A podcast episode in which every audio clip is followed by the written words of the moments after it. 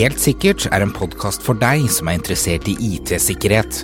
Her tar vi opp aktuelle nyheter, diskuterer dagens sikkerhetsutfordringer og deler gode råd for hva du bør tenke på rundt sikkerhet.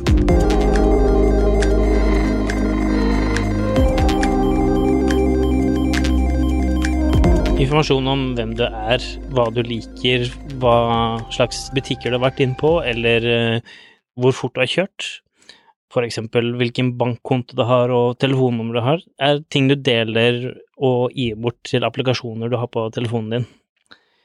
I dag skal vi prate om eh, informasjon som du kan dele og kanskje ikke vet om du beholder når du deler det på applikasjonen din. Mitt navn er Alexander. Og mitt navn er Stian. Dette er helt sikkert. Dette er et tema som jeg egentlig har gleda meg litt til, og, og frykta litt. Grann. Vi, vi lagrer så utrolig mye personlig informasjon om oss overalt.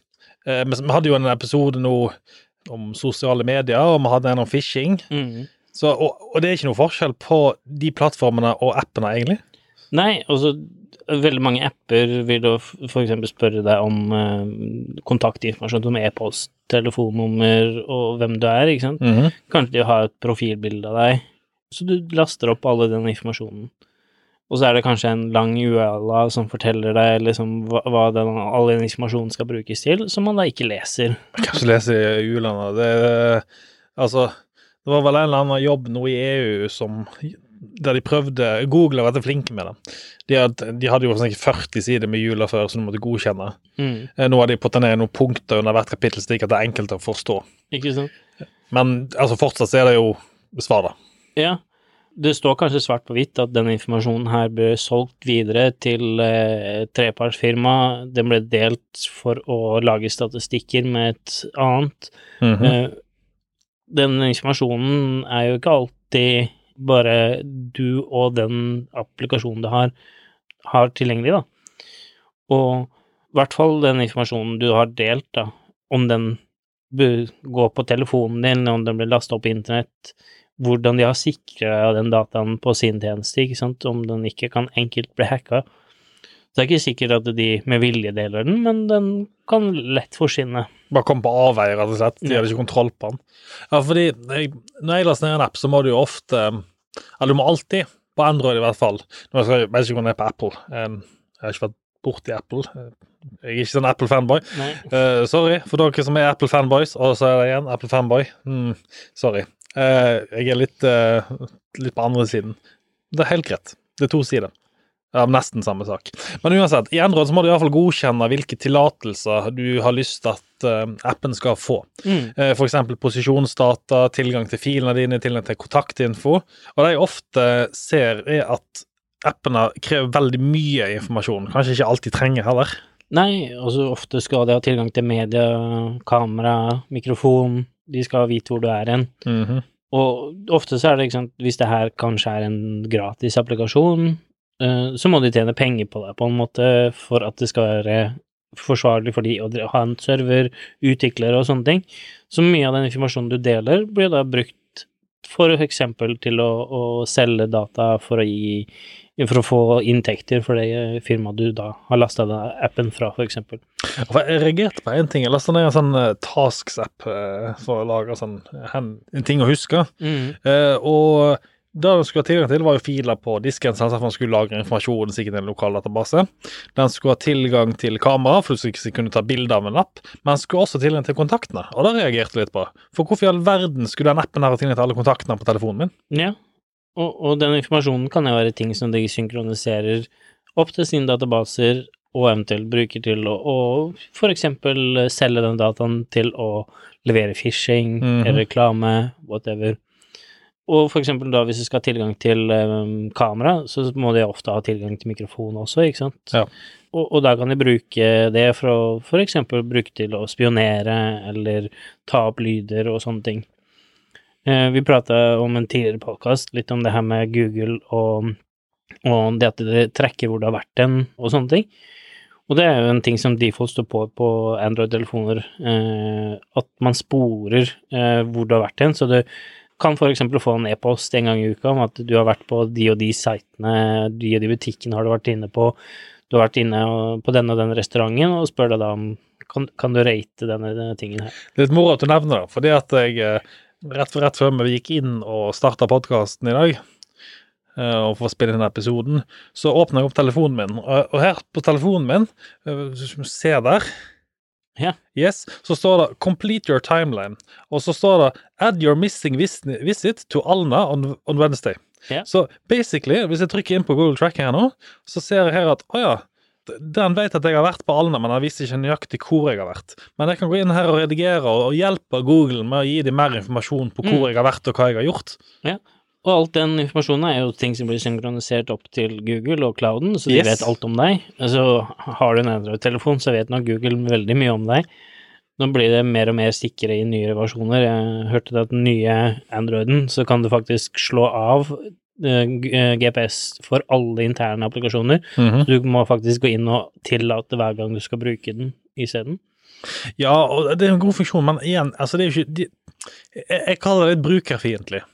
Fordi Ja. at de fleste vil bare trykke 'godtatt' uansett, og, og så vil de bli, bli irritert fordi at de blir plaga hele tiden Mm. med å bruke det. Ja, og, og det er litt fordi at de fleste vet ikke det at den informasjonen de gir fra seg, og hva slags type informasjon de gir fra seg.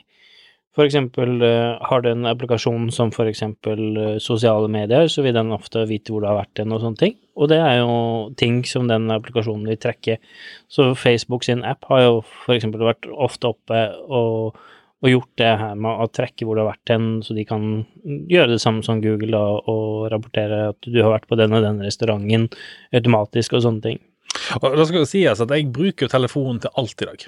Altså, jeg lagrer alt mulig der. Jeg har, eh, jeg har bank i det. Jeg har banken min sin app for å besøke nettbanken. Jeg eh, har førerkortet mitt der. Denne førerkortappen som kom fra Vegdirektoratet. Så der ligger info- informasjon lagra om meg. E-posten min har jeg har filer, jeg har tatt bilde. Jeg har huskelista mi der. Yeah. Sånn at altså, e- egentlig så har jeg alt på telefonen, og sikkert mer enn jeg har på PC-en. Ja, og telefonen din inneholder alt mulig av personinformasjon for eksempel også. Du, du har kanskje en uh, Bruker mobilen til å betale med Ja, Google Pay, for eksempel, Ja, eller Apple Pay. Eh, så du kan få kontonummer eller eh, sånne ting på, i apper. Du gir fra deg kanskje når du skal da koble til f.eks. eh, PayPal eller et eller annet sånt, så har du gitt fra deg informasjon om kredittkortet ditt, eksempel. Så veldig mange ganger ting i applikasjoner, og i hvert fall de som er gratis applikasjoner, tar ofte mye av den informasjonen som du har gitt i, og selger den videre. Og og Vi har jo snakka om Cambridge Analytics i eh, sosiale medier-episoden, og hvordan de brukte informasjonen som de samla inn, på en ulovlig måte med profilerende personer. Og det er jo litt av du snakker om at den informasjonen du gir fra deg, er kanskje ikke til bruk i appen, men det er til bruk til andre formål. Mm. Med andre ord, man, man, for eksempel profilering. Ja. For eksempel, eh, de fleste av oss kanskje har en eh, form for en eh, GPS-tracker som for, Mhm. for eksempel Google Maps, Yes. som du bruker for å finne ut hvor det er hen. Den vil jo da også spore hvor fort du kjører. Yes. Hvem vet om noen år, kanskje det blir automatisk at hvis du kjører for fort i en, en strekning, så vil du automatisk få en bot fordi mobilen din har trekka deg. Det, det er jo allerede snakk om det. Eh, Den typen teknologi, i hvert fall. Forsikringsselskapet har jo nå eh, begynt med såkalt, såkalt GPS-sporing i bil. Og de de bruker det primært som et økonomisk motiv. Eh, Og de sier det sånn at hvis du ikke bryter loven, så skal du også få billigere forsikring. Ja. Så den sporer jo hvor raskt du kjører. Og hvis den sporer at du kjører for raskt, så får du dyrere forsikring. Eh, hvis du kjører i henhold til fartsgrensene, så får du normal forsikring. Mm. sant? Og så spør han også hvor langt du kjører, og hvor du kjører, og, og får forsikring sånn. Men og så kan du tenke deg, hvis, hvis det økonomiske motivet til forsikringsselskapet er å gi deg forkorta erstatning, hvis de vet at du kjørte i 100 i 90-sonen, som ganske mange gjør, kjører 10 km over, det, er- sant? Altså, det, det, det er sånn normal greie som folk bare gjør. Mm. Jeg oppfordrer ikke til det. Så ikke, ikke gå ut fra denne episoden her og si at «Hæ, Stian kjører for fort i, i 90-sonen. Sånn er det ikke. Men det er sånn som skjer. Men hvis forsikringsselskapet sitter på de dataene, og du havner i en ulykke, så kan de plutselig gå inn og si nei, du kjørte for fort. Ja, så for eksempel hvis du har en if-app på telefonen din, da, Mhm. og du kanskje ikke har lest URL-en på hva, hva den informasjonen den appen brukes til, så kan det fort stå da til en oppdatering at ok, denne blir brukt for å trekke deg hvor du er hen, hvor fort du kjører og sånne ting. Og nå sier ikke vi at If har en sånn type app, så det, det er ikke, Nei, det er nei, ikke det, men, men- som et men- eksempel. Sant? At forsikringsselskaper bruker da informasjonen på en annen måte enn den var tiltenkt til, Mm. for da eksempel be bevise eller motbevise påstander i en, i en erstatningssak, eksempel. Eh, og da, da kan vi være sammen med at eh, folk som melder telefonene sine stjålet, eksempel, og så snapper de seg sjøl med samme telefon og tar et bilde, og så ser de på metainformasjonen at de ble tatt med den samme telefonen. Ja. De fleste av oss kanskje har en form for en tracking på telefonen, sånn som eh, Apple, eh, for å finne telefonen hvis jeg mista den. Så Apple vet alltid hvor telefonen din er hen. Det samme gjør du med, med Android. Du har kanskje en form for ting. Ja, ja, og, den informasjonen blir jo, den blir jo lasta opp i clouden på en eller annen måte, og, og da kan den bli solgt, eller den kan bli stjålet. Akkurat den samme informasjonen som nettopp viste med telefonen min, at den visste at jeg hadde vært på Alna og ba om ekstra informasjon på hva de hadde gjort der. Mm. er jo akkurat den type informasjon som jeg ikke vil skal ligge i skyen til hvem som helst. Fordi Google vil jo da kunne gå og si at vi har så og så mange som besøker området, så og så på tidspunktet. Den informasjonen kan de f.eks. selge til eh, La oss si på Alna, så har de Alna storsenter. De kan selge til å si at dette her er tidspunktene som viser at når det er mest aktivitet rundt senteret. Ja. Så dette her er tidspunktene dere bør sette ut reklame som er tilpassa til de som også kjører forbi. Ja, akkurat som gjør jo Google Maps med trafikk. Yes. Så, så det er jo en ting som man kanskje opplever mer og mer, at eh, det vil være ok, du, du kan selge reklame på kjøpesenter, for da er det mye mer folk der på de og de eh, Mhm. tidspunktene og sånne ting. Så det er jo sånne ting som markedet vil endre seg på, og den informasjonen som applikasjoner kan samle, blir jo mer og mer verdt. Og, og Google bruker faktisk den informasjonen allerede i dag, eh, men med, med Google eh, sin tracking-funksjon. Hvis du går på Google Traffic, så kan man veldig enkelt se f.eks. hvor mye trafikk det er til området. Eh, og den informasjonen baserer seg på Google sine sensorer. Mm. Så når du kjører ute med bilen din, så registrerer Google som sagt hvor fort du kjører, hvor du kjører, eh, og, og hvor du er, og hvor du går fra og til. Mm. Eh, og så bruker de denne informasjonen og så lager dette trafikkartet sitt for å vise mye kø. Eksempel hvis du kjører i 20 i en 80-sone, så registrerer de at det er kø i området hvis det er mange nok som gjør det. Mm. Og det var en fransk kunstner, jeg husker ikke navnet på han akkurat nå, men du har sett saken sikkert. Yes. Og han tok 100 telefoner og la opp i en sånn lita vogn, og så gikk han og trilla rundt i, eh, i Paris. Og så lagde jo da Google selvsagt trafikkinformasjon på kartet sitt, som viste at det var enorm kø i området, for det var 100 personer som gikk da i 5 km i timen. Mhm. Og det funka. Ja, han klarte jo å lure Google til å tro at det var eh, trafikk i området. Ja. For de tolka det som at det gikk sakte. Og, og hvis du da går på Google nå og søker etter en bedrift, og du får litt statistikker på høyresiden om f.eks. Elkjøp eller et eller annet sånt, mm -hmm. så ser du åpningstider og sånne ting. Nå har det også kommet en graf som det står eh, hvor mange besøkende det pleier å være på forskjellige tider, og det er en statistikk som Google har henta ut ifra hvor mange som har vært innafor den butikken på bestemte tidssoner, og laga en statistikk på det. Og, det er utrolig enkelt for meg som sikkerhetsperson. Hvis jeg sitter på masse nok sporingsinformasjon på en bedrift, f.eks. hvis jeg kan overvåke en bedrift la oss si gjennom seks måneder, så skulle jeg kunne klart med 99% synlighet og profilert alle de ansatte som jobber der. Fordi at jeg ser hvem som går inn og ut av bedriften til hvilken tid. Jeg skal basert på det kunne klare å skille ut faste ansatte med konsulenter, med folk som bare er der midlertidig, over tid. Mm. Eh, Og på den måten profilert alle de ansatte i bedriften. Og så kunne jeg gått målrett inn på telefonen deres og hentet ut absolutt alt fra telefonen personlig informasjon som er lagra der. Og den informasjonen den ligger tilgjengelig, egentlig. Eh, Så lenge den ligger i skyen og ikke er sikret Nå nå sier ikke at Google ikke har sikkerhet, de er nok en av de mer ledende selskapene når det kommer til sikkerhet. Mm. Så woho Google eh, Ikke at jeg søker jobb der, eller noe sånt, men woho Google. Um, så, så ja, så men vi har jo vist tidligere at Amazon og Microsoft de har jo huller i tjenestene sine, fordi at folk som konfigurerer de og setter de opp, er ikke nødvendigvis Amazon og Google. Det er folk som er utenfra. Det var jo morsom eh, reklame her i Las Vegas for eh, jeg tror det blir et år siden, der Apple kom ut med en stor reklame. What's happening on your iPhone stays on your iPhone. Mm. Som what happened in Vegas stays in Vegas. Eh, Så tok det bare en måned etterpå, så fikk de en lekkasje der personlig informasjon har blitt lekket fra telefonen. Ja. Så selv om kanskje ikke applikasjonene har som hensikt å dele det, så kan det være at informasjonen blir også stjålet. Så hvis man ikke sikrer den på en god nok måte, applikasjonen har en god sikkerhetsfunksjon lokalt, så kan den også bli stjålet ut ifra Men, men vi har jo da, som jeg sa tidligere snakket om MDM-løsninger og ting for å hjelpe deg å kontrollere hvilke apper du kan ha på telefonen. hmm. Skal ikke snakke så veldig masse om det nå, for jeg tror vi har nevnt det veldig mange ganger tidligere. Men det tar oss litt inn på um, ikke nødvendigvis MDM, men dette med apper på, på neste temaet vårt. Vi har vel unngått å snakke litt grann masse om det, men smittestopp kommer nok eh, det, det tvinger seg frem. Ja, eh, de fleste har vel hørt om det, at eh, FHI kom ut med en, eh, en smittestopp-app, som da skal varsle deg hvis du har vært i nærheten av noen som har eh, hatt smitte, eller har smitte.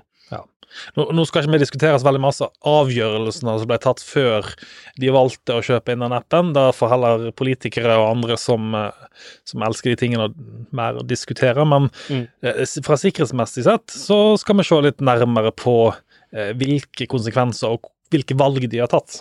Ja, for det er jo over 1,4 millioner eh, personer som har lasta ned denne appen her, så det er jo en god, god del av den norske befolkningen som bruker den appen.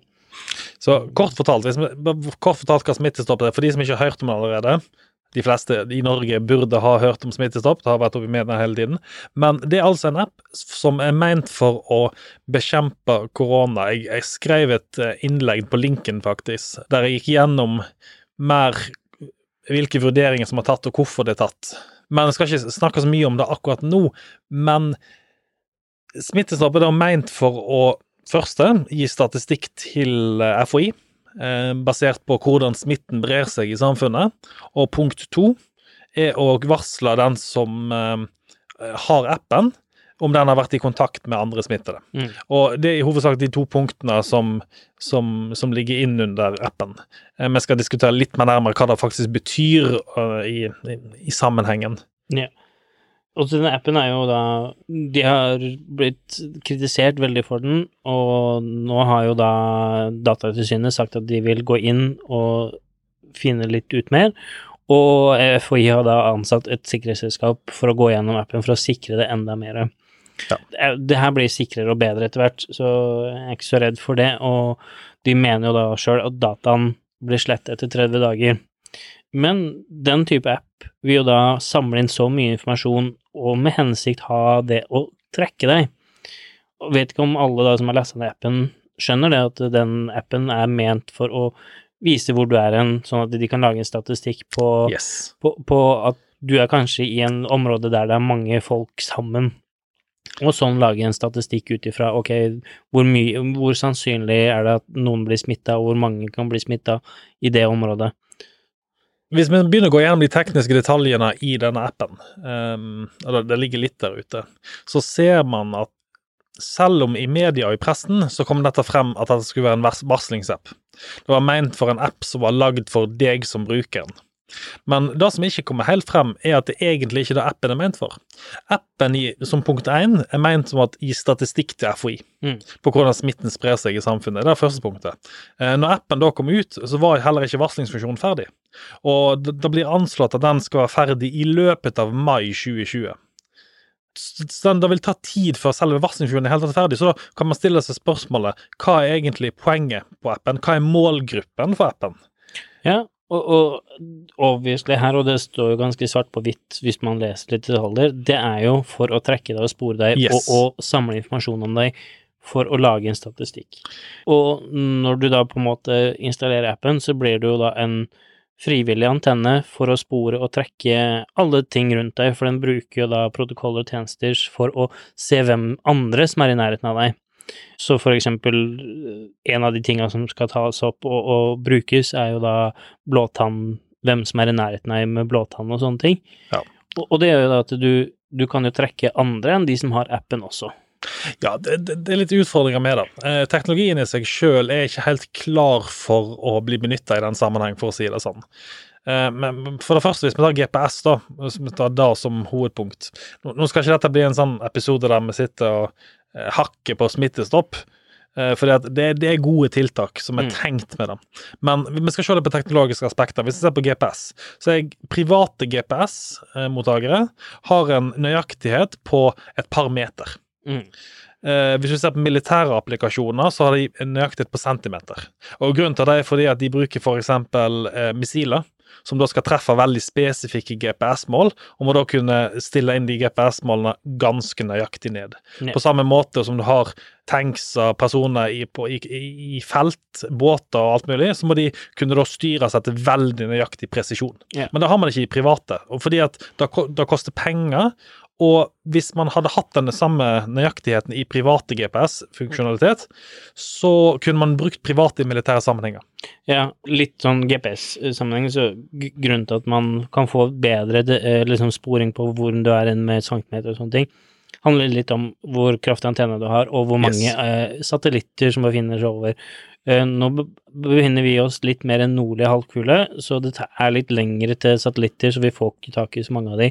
Så vi trenger en mer kraftig antenne for å få, få bedre posisjon. Men eh, innafor en fem til ti meter er Yes. gjennomsnittlig Eh, og så Hvis du tar GPS, da 50 meter er et ganske stort område. For det første, Hvis du tar ti meter radius da, i et område ut, så har du hele parkeringsplassen utenfor bygger. mm, Det er et veldig stort område. Veldig vanskelig å pinpointe nøyaktig hvor det er. Jeg skal si det omtrentlig hvor det er. Eh, hvis du tar det neste punktet, ja, hvis du går innendørs, så har du ikke GPS-dekning. Nei. Og Det er derfor de har tenkt at å, blåtann, det er løsningen. mm, Eh, problemet med blåtann er at uh, blåtann baserer seg på 2,4 gigahertz.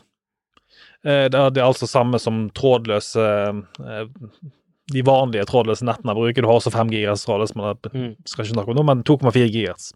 Det vil også si at min min blåtannenhet kan fange opp alt som er under meg, over meg og til siden av meg. Altså rundt meg, i en sirkel. Så hvis jeg nå sitter her nå og spiller inn denne her episoden med deg i dag, så vil eh, mobilen min fange inn eh, en person som sitter på kontoret i bygget, altså i etasjen over meg, og personen som sitter i etasjen under meg. Mm. Så ifølge da eh, Smittestopp, så sitter jeg på samme posisjon, og grensa for Smittestopp er at du skal oppholde deg mer enn 15 personer i nærheten av en annen person som eh, har hatt smitte. Så selv om jeg har nå faktisk full isolasjon mellom meg og den personen som er smitta over meg, så antar appen at jeg er i nærheten. Mm. Eh, og det kan være såpass ille at jeg sitter i et bygg ved siden av og får inn hans Bluetooth på telefonen, og den blir registrert da som at jeg har vært i nærkontakt av personen. Det kan være så ille at et tog stopper på en stasjon og blir stående i 15 minutter, og der sitter en person på utsiden av toget, kanskje helt i enden av stasjonen, og jeg får inn blåtannenheten deres, og blir da regna som smitta. Altså, nøyaktigheten her er jo helt Altså, jeg ser virkelig ikke hvordan dette skal kunne brukes i noe forskningsøyemed. Det er liksom reiser reise gjennom Oslo og si at du har vært gjennom Oslo, så derfor så kan du være Mm. smitta. Bare for å ha en litt kritikk rundt det, så jeg tror ikke den Smittestopp-appen vil noen gang ha en god hensikt med å si å gi deg varsel om du har blitt smittet eller ikke, for det, det er så mange, som du sier, begrensninger på det. Men da vil det vise seg at den appen her er kun for å trekke hvor du har vært hen, og Yes. hvor mange mennesker som er i nærheten av et område, for å så lage en statistikk på at uh, kanskje i Potensielt smitte. Yes. Det er akkurat det. Og, og det er jo da en hevelig hensikt med den appen her, å samle informasjonen. Og det er jo ikke noe som er unikt med denne appen, men den appen gjør kun det. Ja. Sånn som for eksempel andre apper, sånn som Facebook, andre applikasjoner, som også bruker GPS for å trekke deg. Mhm. Gjør det her kanskje litt mer som en tre-fjerde eh, prioritet, ikke som hovedprioriteten. Så man vet aldri liksom om den appen man har installert, som du enablet trekkinga på, eh, hva den vil bruke den informasjonen til.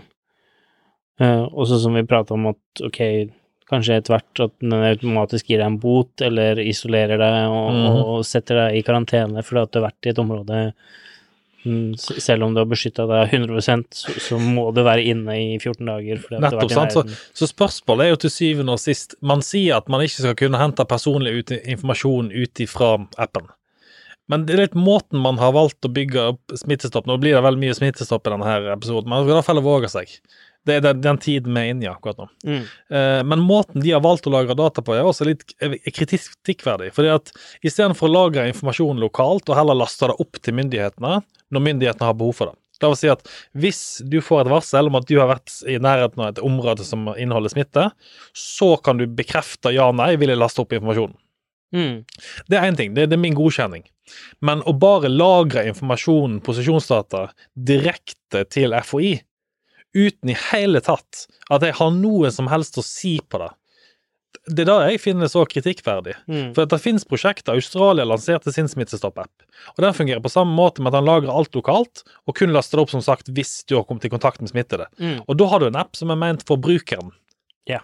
Du har ikke en app som er ment for FHI. Denne appen her, den er um. ment for FHI. Det er for å spore og sånn.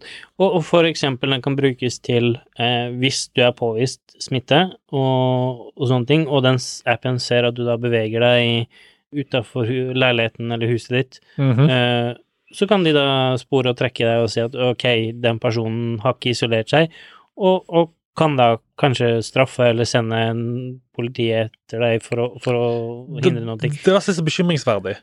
Eh, For de, de sier at ikke de skal gjøre det, og at han skal være personifisert. Men hva skjer når panikken griper? Man benytter alle muligheter man har. Og da er plutselig ikke personvern så viktig. De bryr seg kanskje med den GDP-boten. Altså, spiller ikke så mye rolle, egentlig. Fordi at de, bare, de må bare stoppe det der og da. Mm, Det blir, det blir sånn krig. Eh, Sivile dør i krig. Sånn er det bare. Yeah. Og så ser man på det som et offer. Det, det er veldig lett å havne i den situasjonen der bare at man bare ofrer noe. Jeg, jeg er redd for sånne type situasjoner, fordi at man sier at man skal gjøre én ting, og så har man ikke den funksjonen man sier man skal gjøre, og så gjør man en helt annen ting med den informasjonen man har. Ja. Sånn rent statistikkmessig så trenger man ikke en app for å kunne spore en sånn For hvis hensikten er å spore um, hvor mange personer som befinner seg i et område, Så ja. så, så, så kan eh, FHI ta kontakt med teleleverandørene og få statistikk i Ja, hvor mange ja, ja. telefoner befinner seg Det er jo i ikke et noe problem i område. det hele tatt. Så vi trenger ikke appen for å gjøre akkurat de Det, tingene det er det som er så bekymringsverdig her, fordi at de har lagd en app for å gjøre noe som egentlig har en funksjonalitet som man har funksjoner for i dag. Eh, når hytteforbudet kom for, eh, for ikke så lenge siden, så brukte, bruker kommunene et system, de bruker det fortsatt, for å måle hvor mange innbyggere som befinner seg i kommunen. Det baserer seg på informasjon da, fra teleselskapene på hvor mange aktive abonnementer de har i området, og teleselskapene baserer den informasjonen på da eh, over tid.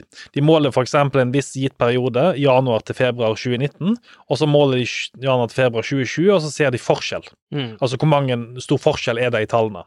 Og, på det, og så ser de tre-fire år tilbake, og så kan det på det grunnlaget basere seg på å bygge opp en database med disse numrene hører hjemme i kommunen, mm. fordi de har vært der de siste fem årene. Disse numrene kommer utenifra. Og så bygger man opp statistikk. Ja. På samme måte kunne man da spurt hvor de har reist gjennom området. Man får det ned ganske nøyaktig hvis man bruker triangulering og mobilmaste. Ja, sånn? altså, kanskje ikke innafor sånn som eh, Med Bluetooth Bluetooth sånn, men- men, men kanskje på, på en, en 10-15 meters Yes. eh, avstand. Og for et statistisk grunnlag så burde det være nok til iallfall si at du har vært i et område med smitte. mm. Så det finnes andre måter, og da, da begynner man å tenke litt hva, som sagt, hva er poenget med Smittestopp-appen. Det høres veldig fancy ut med Smittestopp-app, og det Smittestopp-appen gjør, er at den òg går inn og henter ut den medisinske medisinsk informasjon om deg. Og det er ikke alle som vet, men når du godkjenner i appen at du skal være registrert, så går han inn i et system som heter MSIS. MSIS er et medisinsk databasesystem som henter ut informasjon om deg, og der ligger annet om du er smittet eller ikke. Så det ligger faktisk medisinsk informasjon i appen. Det er ikke alle som tenker over i hele tatt at du løper rundt med. Ikke sant? Og, og, og eh, når da du for eksempel har installert appen, og når den da bruker Bluetooth, så kan jo den oppdage andre som ikke har appen og har Bluetooth enabled også. Yes. Det kommer helt an på hvordan de har implementert løsningen her, så nå skal ikke jeg si at de gjør det, for jeg har ikke sett på koden, men du blir en frivillig antenne for å spore andre i samfunnet. ja, ja, nei det er bevist, da. Eh, De, de hadde, var ute og testa dette her i Jeg husker ikke hvem det var som fant det, men de, hadde, de lagde en skanner som kunne finne det andre som hadde installert Smittestopp. Mm. Og så på den måten Det som skjer med Smittestopp, er at den sender ut en unik kode. Og på den måten kunne de da bruke den koden på å spore hvordan folk bevegde seg. Mm. Fordi at de visste at den koden tilhørte en en mobil, og så hvis han har klart å profinere ned hvilken person den tilhører, den koden, så har man da hele informasjonen. Og det, og det er jo ikke bare med Smittestopp-appen. Det gjelder kan- flere ting. Uh, sånn som vi har pratet om før, vi kan lage en fake basestasjon og trekke mobiltelefoner som har trådløst på, for å se om de er i nærheten også. Så det er jo veldig mange måter å trekke ting på. Men det, det som er jo Som jeg ser som en viktig ting, er jo det at man Den informasjonen man deler med appen, hvis den da er en sånn personlig øyemed-sensitiv, så har man en, må man ha en veldig høyere og sikkerhet på det, da, sånn at ikke, Yes. man er sikker på at ikke den informasjonen Sånn som gjøres sånn som om uh, gjør, at man deler ikke informasjonen hele tiden, bare når det er Behov for det. behov for det, Mm. og, og at den informasjonen ikke er tilgjengelig for noen andre enn de som da skulle hatt den og trenger den. At den lagrer sikkerhet på telefonen, rett og Ja. slett. Fordi de fleste lagrer det kanskje på en, eh, på en sånn her eh, SQLI-database Mm, som ligger lokalt på telefonen, og så sikrer det ikke i det hele tatt. nei. Hvorfor skal jeg sikre den? De er jo bare på telefonen likevel. Ja, og telefonene er i hvert fall sikre, og alle som da bruker eh, fem-seks år gamle telefoner og aldri oppdatert de, har i hvert fall ikke noen sikkerhetshull i dag. Nei, nei, nei, nei, nei, det har aldri hørt om noe sånt før. Uff da. Det er bare tull. Sikkerhetshull, hva er det for noe? Det fins ikke. Nei, men altså, hvis vi skulle tatt litt, eh, litt oppsummering, da. Ma- hvis jeg skulle gitt mitt første tips og faktisk, i Android så kan du gå inn og så kan du fjerne alle tillatelser til alle appene dine. Mm. Hvis du kunne ha sikkerhetsinnstillingen, eh, jeg husker ikke helt spesifikt hvor det er, men der er det en, eh, en, et valg som heter slett tillatelser. Eh, Da fjerner han alle appene sine tillatelser. Og når du går inn på appen neste gang, så må du da godkjenne på nytt alle tillatelsene han skal ha. Mm. Så når du åpner appen neste gang, les de forskjellige tillatelsene han ha tilgang til. Og har du en app som eksempel skal styre lyset ditt hjemme i, i studio, så kan du jo begynne å stille deg spørsmålet på hvorfor den skal ha tilgang til kontaktinformasjonen din og SMS. Ja. Hvorfor skal den ha SMS og kontakt? Og Ja. for eksempel, hvis den har tilgang til media, i hvert fall på Android, så hvis du da gir den tilgang til media, så har den ofte tilgang til veldig mange andre filer som legger seg i mediekatalogen, ikke bare de filene som appen bruker. Så det kan godt hende den stjeler bildene dine hvis, Mhm. hvis den får tilgang. Så det er nok første tipset. Jeg sagt ta eh, fjern tillatelse og gjør det et par ganger. Ja, og, og bare gi tillatelse, godkjenne de tillatelsene du er komfortabel med å gi bort. Og, og hvis du lurer på hvorfor han skal bruke noe, google hvorfor den appen skal ha den tillatelsen. Og kanskje det varsler Google og Android om, om at de, du ser ikke poenget med at et hjemmestyringssystem skal ha tilgang til SMS-ene dine, for Yes. eksempel. En annen ting er jo det at hvis du da installerer en app, og den spør etter informasjon som ikke er hensiktsmessig for den applikasjonen, da, for eksempel eh, det er en sosial media-app, så vil den spørre deg til datoen din og fødselsnummeret ditt, hvorfor skal den ha alt, for eksempel? Så vær kritisk til hva slags informasjon du deler med appen, så du ikke gir bort kontonummer, eh, Mhm. adresse og alt de tinga der uten at den har en god hensikt med den informasjonen. For mest sannsynlig, hvis det er en gratis app, og det er informasjon som kan selges, så gjør de nok det. Så, så mitt andre tips så vil jeg nok uh, igjen, som jeg har sagt før, bruke en MDM-løsning, iallfall hvis du er en bedrift, og, og kontrollere hvilke type apper som skal være godkjent for bedriften din. Det trenger ikke være ned på spesifikt nå. Det, være, det finnes kategorier, f.eks. banking, og så tillater han da f.eks. bankappene fra de forskjellige norske bankene, f.eks. Mm. Det vil også forhindre at det kommer falske apper inn. Fordi han registrerer da appene med en unik ID, som sørger for at hvis noen prøver å installere en falsk app, så blir den blokkert. Ja. Ikke så minst. man, man er sikker på at den appen, selv om den ser ut som alle andre som har den samme appen, at den faktisk er den ekte. Og, og samtidig, da, når du bruker en sånn løs type løsning, eh, aktiverer at du får kun installert apper fra offisielle kilder. Ja, og veldig mange MDM-løsninger kan du også bake inn appene, eh, sånn som hvis du har en app som du bruker bedriftsmessig, som jobben trenger, så kan du bake inn en SSL-VPN i appen, og at den da alltid ringer hjem til bedriften, sånn at, Ja. sånn at ikke den dataen kan ha mulighet til å lekke ut til andre leverandører og andre tjenester på, på nett. så er det jo viktig at, øh, å tenke på at den informasjonen, selv om det står at den ikke skal deles, den ikke skal selges, den skal ikke øh, Den skal bare lagres og ta vares på hos de, da, at det er alltid en fare for at den dataen blir stjålet. Så er den en sensitiv informasjon, så ville jeg vært kritisk til å kanskje slutte å bruke appen eller finne noe annet. Som et siste tips så ville jeg nok eh, sagt at eh, tenk over at den telefonen som du bruker De fleste av oss bruker også den i bedriftssammenheng. Tenk over at det er laptop som du sitter på jobben med. Eh, jeg vet iallfall at eh, den laptopen som jeg har på jobb, så jeg går ikke inn på porno på den lappen, laptopen. Jeg går ikke inn på hacking sites. Jeg eh, laster ikke ned piratkopiert programvare eller spill. Jeg laster ikke ned spill generelt sett på laptopen. Jeg behandler det som om det er bedriften sin eiendom. Jeg behandler det som om at alle på bedriften kan se hva jeg gjør på den laptopen. Men det var jeg, jeg er jo litt paranoid. Så gjør det samme med telefonen. Tenk over at den telefonen du har, er faktisk, iallfall de som har bedriftstelefonen, er bedriften sin eiendom. At du er på jobb når du bruker den telefonen. Ja, for det, har du en app som, som spør om eksempel litt mye tilganger, så Mhm. kan den stjele veldig mye informasjon fra andre. Så eksempel spill og sånt. Er det en grunn til at det skal finnes på en bedriftstelefon der du har e-post og du har andre tjenester? Må du kanskje ta, ta en vurdering på, Mm. egentlig. Kanskje du burde hatt en tablet ved siden av der du kan spille på. For eksempel. Så um, det er nok mitt tredje tips, vil jeg si. Jeg vil i hvert fall bruke sunn fornuft når du laster ned apper. Ingenting er gratis. Det er alltid en grunn til at du kan laste ned spill eller noe gratis. Hvis ikke du betaler for det, så er det du som er eh, deres betaling, informasjon om deg. Så, så vil jeg nok avslutte med at uh, vi, vi er ikke imot teknologi. Uh, vi, er imot teknologi blir brukt på feil måte. Så selv om man snakker litt om Smittestopp-app og hva, hva de har gjort feil, så finnes det mange andre tiltak der ute som er gode. Ja. Der man bruker teknologi. Eh, Google har sitt eget prosjekt for å t- trekke covid, der du kan laste ned en egen app for å eh, for å eh, hjelpe, med, hjelpe til å spore viruset. Eh, Singapore har en egen eh, app som er utgitt. Det er den Australia bruker, forresten. Den har også åpen kildekode Mm. for å, for å spore. Så det finnes mange gode initiativ. Jeg vil nok si at Den største kritikken med Smittestopp-appen har nok kommet fordi at de har valgt å ikke gi ut kildekoden.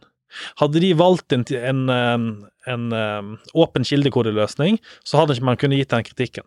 Eh, De ville også kunne da fått sikkerhetsfiksing. og så- Det ville vært mange som ville begynt å sette på koden med en gang. Mm. På hva han gjorde. Og ville da fått tilbakemelding med en gang når de fant sårbarheter. Og den eneste måten at sånne apper og andre apper som på en måte misbruker dataen din, eh, ikke kan eksistere lenger, er hvis alle er kritiske og varsler og kanskje er mer på jakt etter hvorfor jeg skal dele informasjon, så Mhm. vil flere og flere av de tjenestene bare forsvinne. Så ja, nei, vi er for teknologi på riktig måte, vil jeg si. Ja. Eh, Riktig bruk av teknologien. Ta vare på din eh, informasjon, og ikke del den med andre hvis ikke du er enig i det. Det er nok et veldig godt tips å avslutte med, vil jeg si. Ja. Eh, og husk, telefonen, det er din personlige PC, Ja. og den informasjonen du lagrer der, den forsvinner fort. Ja, Det veldig mange eh, applikasjoner som vil prøve å hente informasjon om andre ting på telefonen din. Og det skal sies at daglig så sletter Google rundt 5000 falske apper på telefonen. Ja. Så det sier litt grann om hvor mange falske apper, altså ikke på telefonen, men i, i sin eh, store. Og det sier litt hvor masse falske Ja, ikke bare falske heller, men apper som kanskje misbruker den informasjonen yes, som ikke skal være der. Så, så tenk over hva dere installerer. Mm. Beste tipset jeg kan gi dere. Så nei, jeg tenker da vi avslutter der for i dag. Ja, Det har vært en uh, fin episode, som vanlig. det er alltid fint å snakke med deg, Alex. Så det, det, Vi har alltid noe å prate om, og vi Ja. kan prate litt lenger. det er ikke noe sånn romanse her nå, men eh, det, det er bromance, vil jeg si. Det er med på det nivået der nå. Med etter, etter 26 episoder her, så, eh, Ja, så er vi der nå. jeg har fått en god del òg. Ja, men dere får ha en eh, riktig fin dag der videre. Eh, og så fortsett gjerne å bruke Smittestopp. Det er ikke noe andre alternativ her i Norge, men tenk over hva informasjon dere deler i appen. Og slå av de funksjonene i appen dere ikke virkelig ikke vil ha. Ja. Det er det beste tipset vi kan gi dere. Hold dere friske, så snakkes vi neste uke. Ha Ha det. det bra. Podkasten Helt sikkert er laget av Cybron Security og produsert av Shaw Media. For mer informasjon om IT-sikkerhet, gå inn på cybron.no, eller så finner du oss også på Facebook under navnet Cybron Security.